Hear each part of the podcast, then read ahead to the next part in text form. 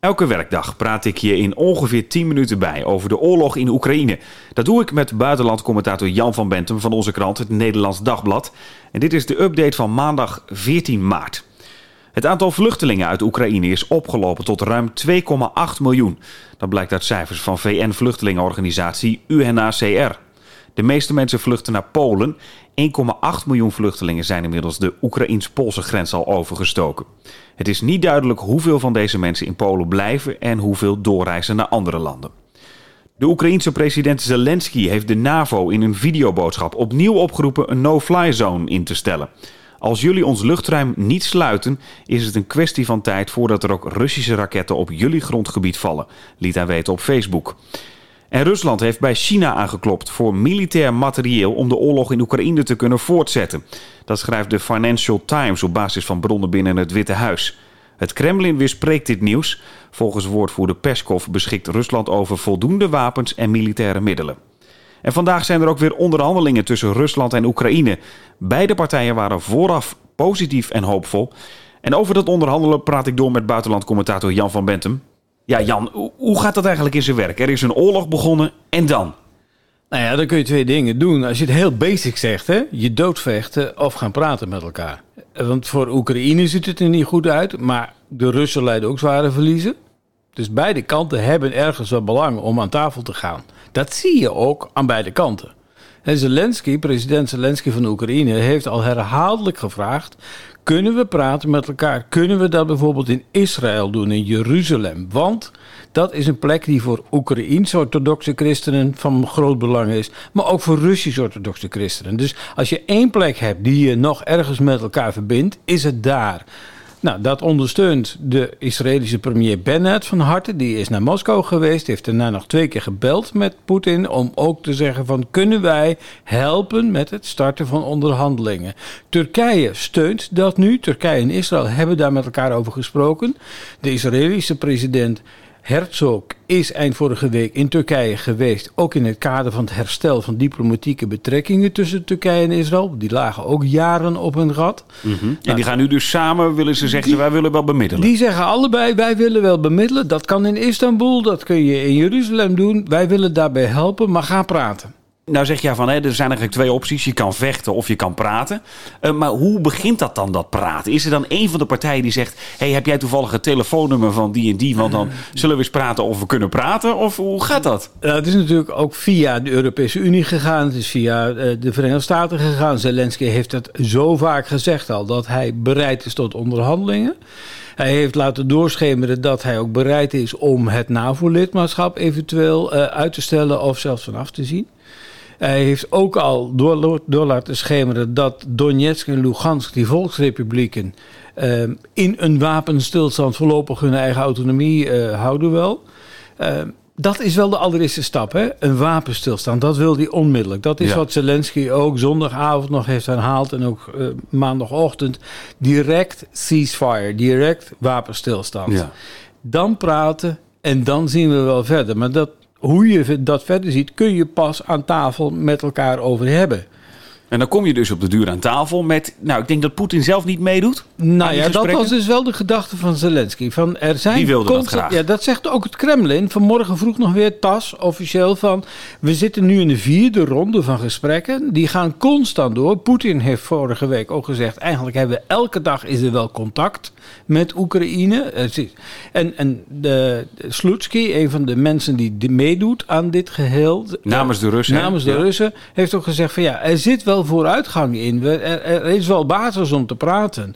Um, maar dan moet je wel bij elkaar komen, echt op een gegeven moment aan tafel.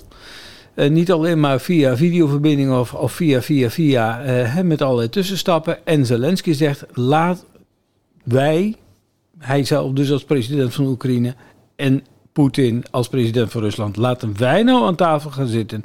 Dat is de kortste klap. Dan ben je het snelste klaar. En dan weet je ook het duidelijkst wat de ander wil. Ja, en wil Poetin dat? Poetin is, wordt wel de sphinx van het Kremlin genoemd. Die geeft nooit precies weer wat hij wel of niet wil. Maar tot nu toe wilde hij niet met Zelensky praten.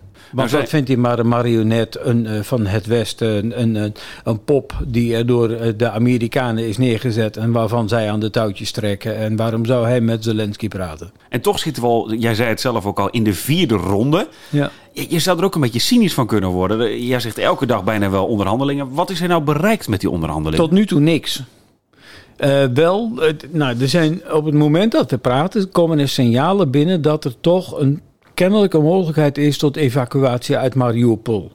Eh, naar niet-Russisch gebied. Hè? Want tot nu toe was het zo van, eh, zij bieden evacuatieroutes aan de Russen. Ja, die gaan naar Rusland of ze gaan naar Belarus. En, en heel veel inwoners van Mariupol zien dat niet zitten. Die wilden daar niet naartoe. En ook van andere steden als Kharkiv niet.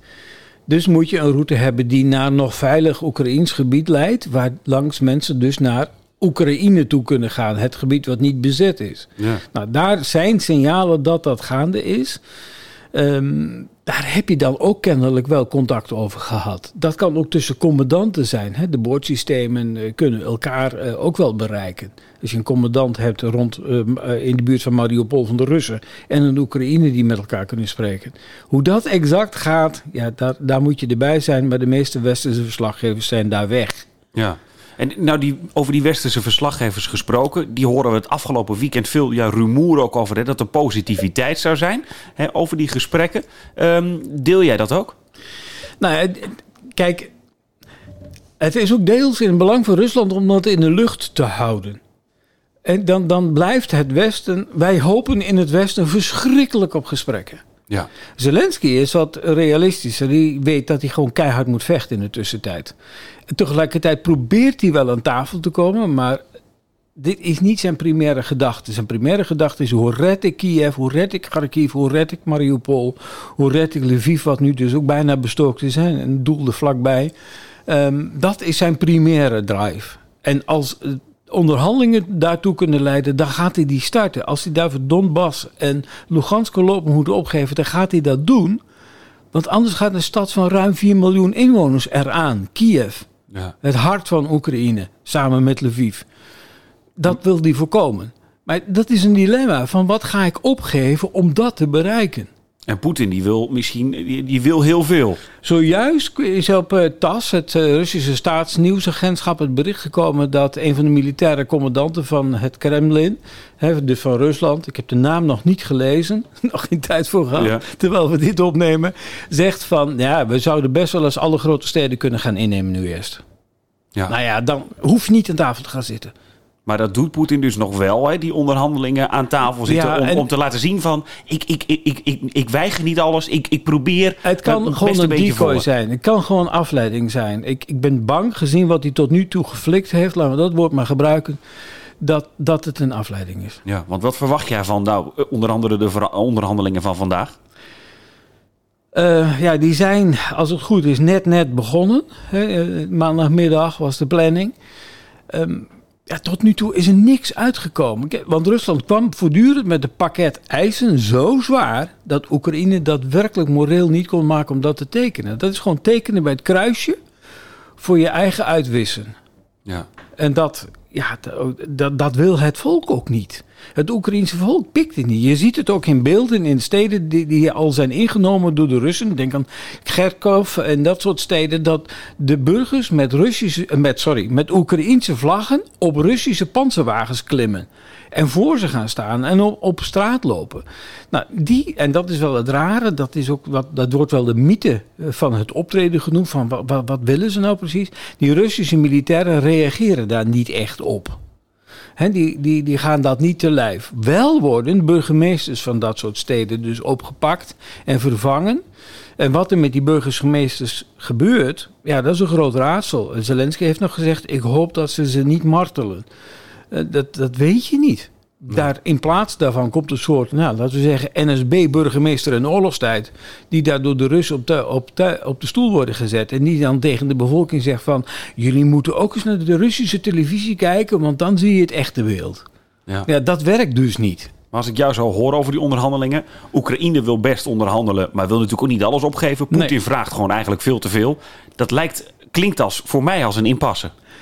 Tot nu toe is het voortdurend een impasse gebleken. Ik bedoel, de Russische minister van Buitenlandse Zaken Lavrov heeft ook met, de, uh, met zijn Oekraïense collega in Turkije aan tafel gezeten. kwam die weer met een enorm pakket eisen waarvan die, zijn Oekraïense minister dus zei van ja, dit dat kan niet. Daar kunnen we gewoon niet mee akkoord gaan. Maar dan zegt niemand, ja, dit pakket hebben we nu al drie keer gehoord. Ik ga niet nog een keer aan tafel voordat je dat pakket hebt gewijzigd. Nee, je wilt, je wilt en je zoekt naar een opening. Ergens, iets. En dat, en dat weet Poetin natuurlijk, dat het Westen dat, heel graag wil. Hij is wat dat betreft enorm slim. En uh, ja, je zou moeten eisen van kom ook echt met concreet, reële eisen. En dat wordt ook wel gezegd, maar je kunt het niet afdwingen. Je ziet in Amerikaanse bladen echt die, die, die, de, de zwaarste bladen op het terrein van internationale betrekkingen, zeg maar. Hè? Foreign Affairs, uh, Foreign Policy, The Atlantic. En dat zijn echt de denktankbladen, de grote, mm gerenommeerde. En die hebben het over hoe kunnen we in vredesnaam een nucleair conflict voorkomen. Um, over het, het niet kunnen bestaan van een no-fly zone volgens de Amerikanen. Je ziet dat Europeanen op dit moment verder gaan in denken over dat soort dingen dan de Amerikanen. De Amerikanen schrijven letterlijk al over het als beloning aan Rusland dan maar aanbieden van het opheffen van de sancties. Nou, daar hoor je de Europese hoogvertegenwoordiger uh, Josep Borrell nog niet over praten hoor. Echt niet. Nee. En wat zegt dat? Dat zegt dat de Amerikanen banger zijn dan de Europeanen. Lijkt het wel dat Rusland verder wil gaan, een verdere, wellicht nucleaire stap wil zetten in dit conflict. We blijven het in de gaten houden. Jan van Bentum, buitenlandcommentator van het Nederlands Dagblad. Dankjewel. Ja, en heb je nou een vraag voor Jan of wil je reageren? Dat kan via oekraïne.nd.nl. Een nieuwe update staat morgen om 4 uur weer voor je klaar.